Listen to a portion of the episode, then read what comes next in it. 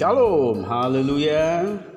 Hari ini kita bersyukur kepada Tuhan karena boleh bertemu dalam pembelajaran pendidikan agama Kristen. Hari ini Bapak buat dengan rekaman suara akan memberikan beberapa petunjuk hal-hal yang akan dikerjakan.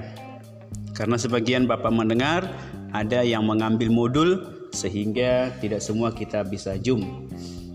Bapak berdoa dan berharap semua dalam keadaan baik, dalam keadaan sehat dan tetap maksimal Ingat, Tuhanmu besar, kamu juga harus menjadi orang besar dan memberikan pengaruh yang besar untuk kebaikan banyak orang dan Tuhan Yesus dipermuliakan. Materi hari ini kita akan buat dalam dua bagian, tapi dalam part yang pertama ini kita akan berbicara tentang kabar baik di tengah bangsa dan negara. Dapat kamu lihat dalam Mazmur 137 dan Nehemia 2 ayat 1 sampai ayat yang ke-20. Berbicara tentang kabar baik, dalam bahasa Cina disebut dengan kata Injil, Evangelion, yaitu kabar baik yang menceritakan adanya keselamatan di dalam Yesus Kristus. Sebagai pengikut Kristen, sebagai pengikut Kristus yakni orang Kristen, tentunya apa yang Yesus ajarkan juga harus kita teruskan kepada banyak orang. Inti ajaran kekristenan adalah berbuat kasih. Berarti menyampaikan kabar baik juga dapat ditunjukkan dengan cara berbuat kasih kepada banyak orang karena itu adalah Injil yang hidup. Tidak ada manusia yang tidak senang diperhatikan, dihargai dan diterima dan hanya orang-orang yang memiliki kasihlah yang mampu berbuat seperti itu. Nah, Hari ini Bapak mau sampaikan dalam pengalaman-pengalaman bangsa Israel yang dialami dalam pembuangan, situasi-situasi yang terjadi pada masa sekarang, ada pergumulan, ada bencana alam, ada penyakit COVID-19, bahkan banyak orang-orang yang mungkin kita kenal meninggal. Mereka itu sebenarnya membutuhkan orang lain untuk boleh mendengarkan keluh kesah mereka, mereka merasakan pertolongan dari kita, dan ini menjadi alasan yang kuat anak-anak Tuhan tidak boleh diam. Namun harus bertindak dengan cara mewartakan kabar baik. Nah, ada beberapa contoh di Alkitab nanti kamu baca di modul dan kemudian ada juga keadaan yang terjadi kalau kita lihat di situ Yesaya 52 ayat 7 kita harus menyampaikan bahwasanya ada kekuatan, ada pertolongan dari Sang Raja kita Tuhan Allah. Nah, bagaimana menerapkan untuk boleh kita berbuat menyampaikan kabar baik di mana pun kita berada? Ingat, kita ini adalah perpanjangan tangan Tuhan, anak-anak Tuhan, Matius 5 ayat 9.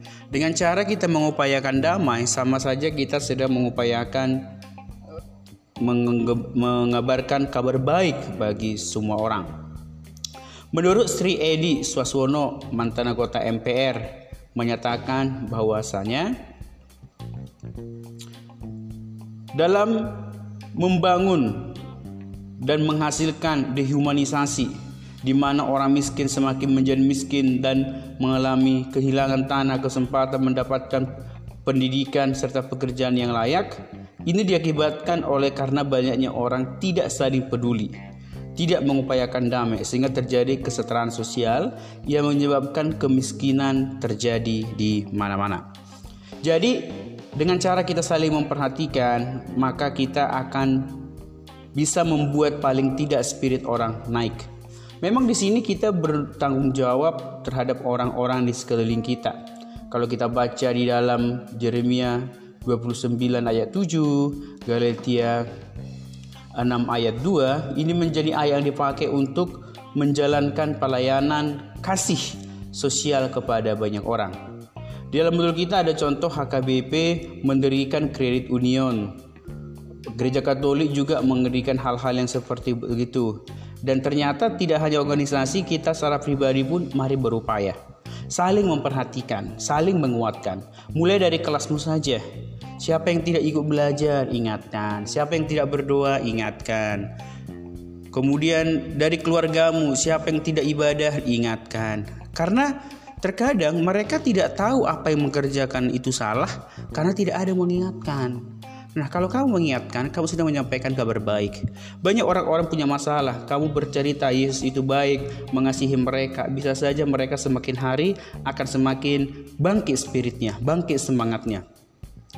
Apalagi pada saat ini di masa-masa COVID-19 ya, di masa-masa COVID-19 orang-orang kadang ketakutan mendengar sana sini banyak meninggal.